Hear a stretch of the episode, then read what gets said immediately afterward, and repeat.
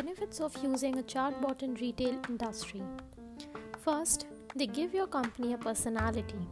Chatbot will allow you to present your company to your clients by giving a face. Second, in the retail industry, they have a wide range of possible packages.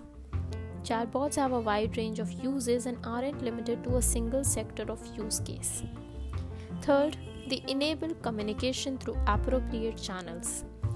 We are all addicts who prefer to use the spoken communication channels that we are already familiar with.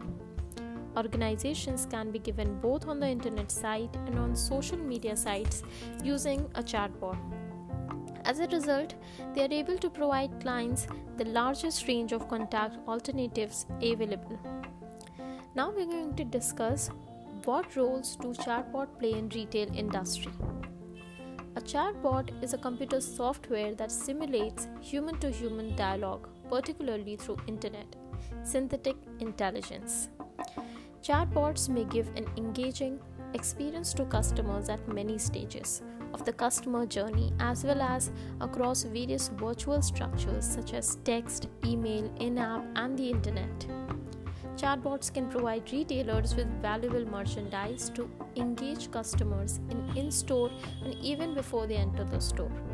Outlets will be able to provide clients with a blended virtual tailored and on the spot conversational level by utilizing conversational synthetic intelligence or AI powered chatbots. The next we are going to discuss is chatbots effect on the retail business. The chatbot era is the key to an individualized consumer control and high value of consumer research. Meanwhile, chatbots assist merchants in competing with major players such as Google and Amazon. The examples of chatbot in retail enterprise. The first example is Aerie. Aerie increases the number of users who sign up with their shopping chatbot. Aerie is a clothing and lingerie spin off of American Eagle Outfitters. The next is Nike's Retail Messenger campaign, which saw an increase in sales and thanks to chatbot. While Nike collaborated with Snaps to promote Nike Air Max Day, they also developed a conversational advertising strategy. The third is to be the ultimate auction tool, eBay created an e commerce bot. eBay started its chatbot for retail trial by altering consumers via Facebook Messenger. The fourth is Sephora. Sephora is a multinational private care and beauty retailer based in France. It has launched a chatbot on the KIK messaging service.